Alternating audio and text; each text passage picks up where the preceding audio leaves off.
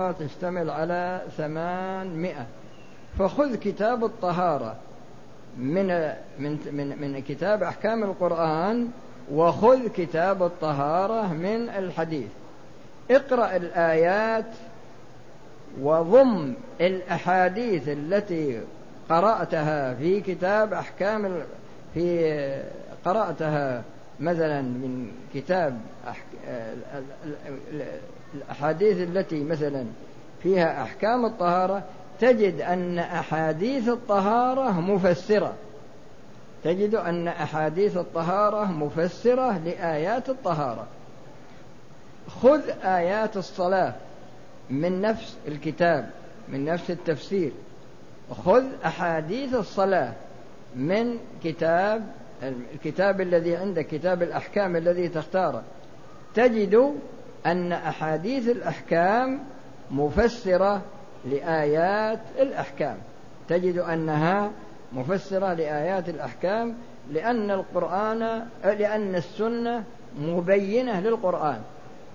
السنة مبينة لماذا؟ للقرآن. ولهذا قال صلى الله عليه وسلم في حجة الوداع كان يكثر من قوله خذوا عني مناسككم. فلعلي لا ألقاكم بعد عامي هذا. ومع ذلك جاء في القرآن ما يتعلق بالحج في عدة مواضع. في عدة مواضع يعني جاء ما يتعلق بالحج والعمرة في عدة مواضع. ومع ذلك يقول خذوا عني مناسككم فلعلي لا ألقاكم بعد عامي هذا. ولهذا كان الصحابة رضي الله عنهم عندهم حرص على آه، تتبع واستماع تتبع آثاره واستماع ما يقوله والنظر فيما يفعله ويحفظون ذلك. وكذلك ما يسكت عنه. وكذلك قوله صلى الله عليه وسلم صلوا كما رأيتموني أصلي. فأنت إذا نظرت إلى أحاديث الصلاة وجدتها كثيرة. وإذا نظرت إلى آيات الصلاة في القرآن لم ت... يعني وجدت أنها ليست بكثيرة. فإذا ضممت أحاديث الصلاة إلى آيات الصلاة وجدت أن أحاديث الصلاة وجدتها تفسيرا لآيات ماذا؟ لآيات الصلاة وعلى هذا الأساس إذا إذا إذا أخذت كتابا في تفسير القرآن في تفسير آيات الأحكام وأخذت كتابا في أحاديث الأحكام تقرأ الموضوع أولا في تفسير آيات الأحكام ثم تقرأ نفس الموضوع من كتاب أحاديث الأحكام تضم ما قرأته من أحاديث الأحكام في الموضوع تضمه إلى الآية تجد أن هذه الأحاديث تفسير لماذا؟ تفسير لهذه الآية هذه كلمة ذكرتها لكم قبل البدء في الكلام على تفسير آيات الأحكام وكذلك الكلام على تفسير أحاديث الأحكام ويمكن إن شاء الله نشوف لنا كتابا في لأنهم قالوا لي أن كتاب المنتقى أنه يدرس هنا وأنا ما أحب أن أدرس كتاب يدرسه شخص آخر لأن تدريس الشخص الآخر هذا فيه كفاية. من أراد مثلا أنه يستفيد يحضره.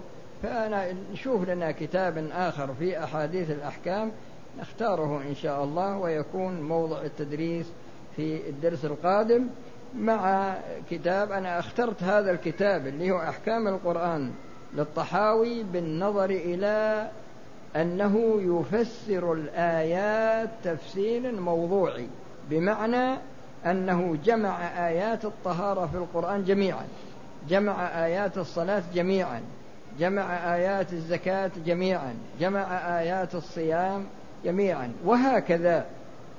فبالنظر ولم أجد كتابا سلك هذا المنهج فاخترت هذا الكتاب من أجل أن, أن الإخوان يستفيدون منه.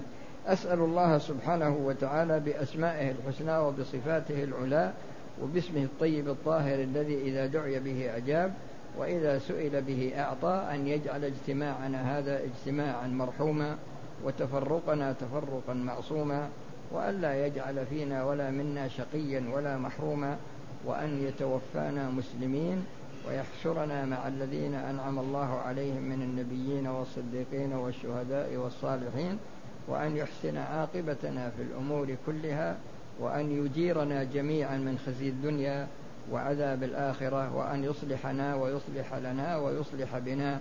والحمد لله رب العالمين وصلى الله وسلم على نبينا محمد وعلى آله وأصحابه أجمعين. وهذا سؤال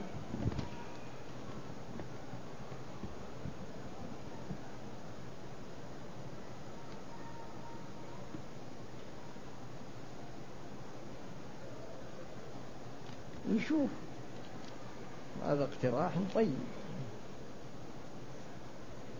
ترى الاقتراحات طيبة. وهذا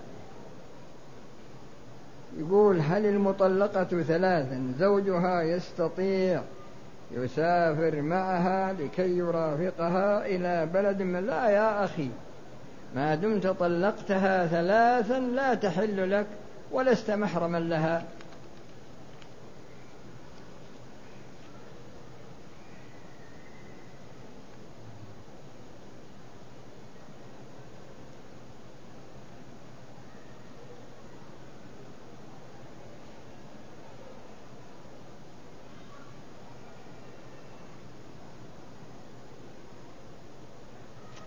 هذا فاضي ما عنده الشغل هذا.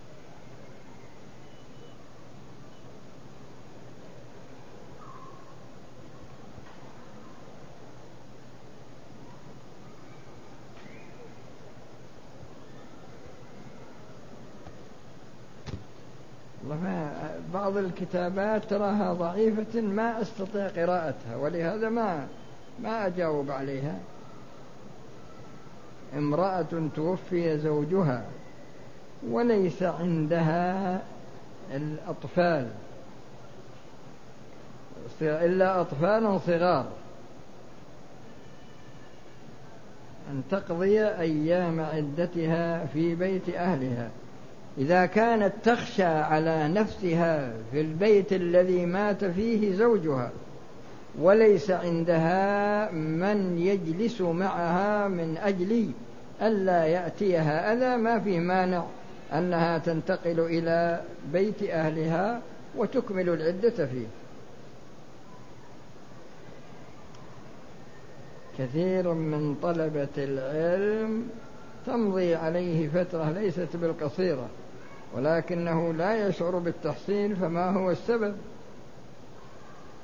سئل رجل فقيل له كم تقرأ؟ قال قرأت أربعة آلاف كتاب في ساعة. قالوا كيف؟ قال خصصت ساعة من أربع وعشرين ساعة للقراءة فقط من زمن بعيد. فبلغت الآن أنني قرأت أربعة آلاف كتاب وأنا أعرف شخص وله أنا لأني أنا ما بقرأ. لكن أنا أعرف شخص يقرأ ثماني عشرة ساعة من الليل والنهار. وتوفي الله يغفر له. وموجود كان من أهل مكة هنا. يقرأ ثماني عشرة ساعة في اليوم والليلة. أنها الحين الاستراحات والكورة والجلسات اللي ما أدري وين يوقوهن وسع صدورنا أنا أنا أنا ما يجي عندهم عبارات كثيرة يستعملونها لكن ما يأخذ القرآن يقرأ. ما يأخذ تفسير القرآن يقرأ ما يأخذ كتاب من كتب السنة كتاب عقيدة كتاب فقه لا. فعندنا علتان العلة الأولى ما نعرف قيمة الوقت والعلة الثانية هي عدم المنهجية وحسن اختيار الكتاب الذي يقرأ. هذه هذا السبب اللي يجعلنا أنا ذكرت لكم فيما مضى أن بنت الإمام أبي حنيفة بكت عند وفاته. فقال فقال لها يا بنية ما يبكيك على أبيك وقد ختم القرآن في هذا المكان خمسين سنة. خمسين سنة كل ليلة يختم القرآن. أنها الحين ما نختم القرآن في السنة مرة واحدة. ولما حسبت عدد الختمات وجدتها ثماني عشرة ألف ختمة. حنها الحين يعني تمضي السنة ما ختمنا القرآن مع أن القرآن يعني يشتمل على ما يزيد عن ثلاثمائة ألف حرف والحسنة بعشر أمثالها. لو ما يقرأ الإنسان في اليوم إلا جزء واحد مئة ألف حسنة.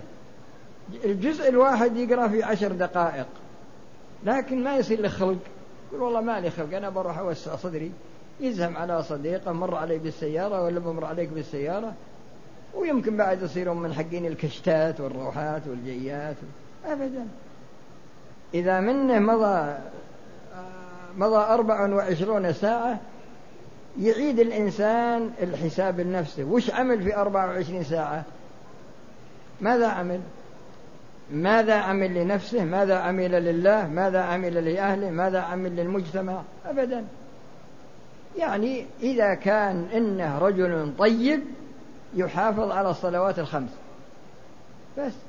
ولا بعضهم حتى الصلوات الخمس مسندها ما له بها شغل. الحين في شباب يسألون عمره أربعين سنة عمره خمسين سنة يقول والله أنا يوم أنا شاب طايش ولا أنا لا أنا بصوم ولا أنا بصلي ولا أنا ويسرد لك من سوء سيرته. مع أن هذا كله مكتوب في صحائف أعماله. فالحقيقة إحنا ما ما نعرف قيمة الوقت ولا نحسن اختيار الكتاب. ما نحسن اختيار الكتاب ولا نستفيد من الوقت.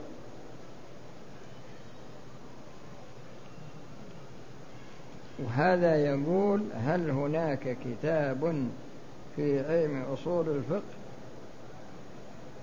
تضرب وش, وش عاد عليك؟ الله يرحم حالنا وحالك. هل هناك كتاب في علم أصول الفقه تضرب فيه الأمثال؟ وش الأمثال يا أخي؟ يعني الأمثال من الكتاب والسنة في كتب الحنفية هذه تمتاز بالأمثلة. كتب كتب أصول الحنفية تمتاز بالأمثلة وفي بعض الكتب المعاصرة أيضا تعتني بذكر بعض الأمثلة. لكن كتب المتقدمين من علماء الأصول كانوا يعتنون بتقرير القواعد. كانت عناية مو معناه أنهم بخلاء في الأمثلة ولا جهال في الأمثلة لا. لكن صرفوا عنايتهم لتقرير القواعد. وهذا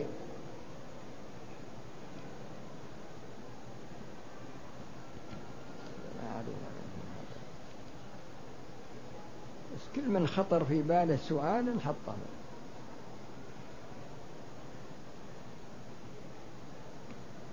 وش هذا؟ هل هناك فرق بين القسم والحلف؟ وش هو؟ القسم والحلف هو بينهم فرق؟ الله يرحم حالنا وحالك.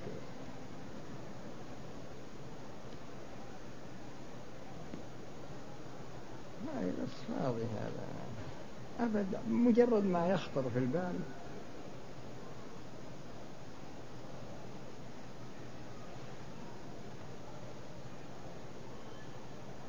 هذا يسأل يقول إن دعائك بس ما صرحوا لكن يقول إن دعائك هذا في آخر الدرس هذا من البدع.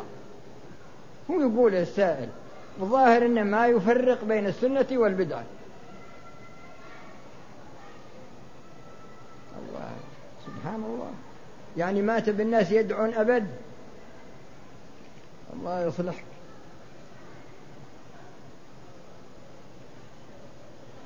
إيه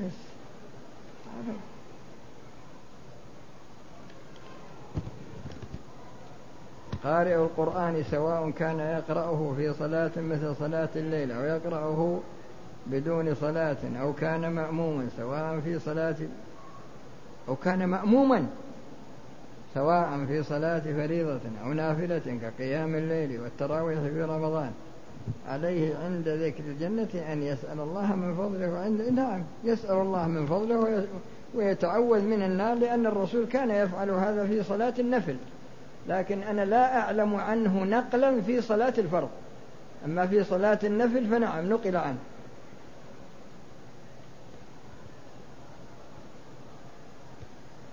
أمي أدت فريضة الحج ولكن في طواف الوداع تعبت.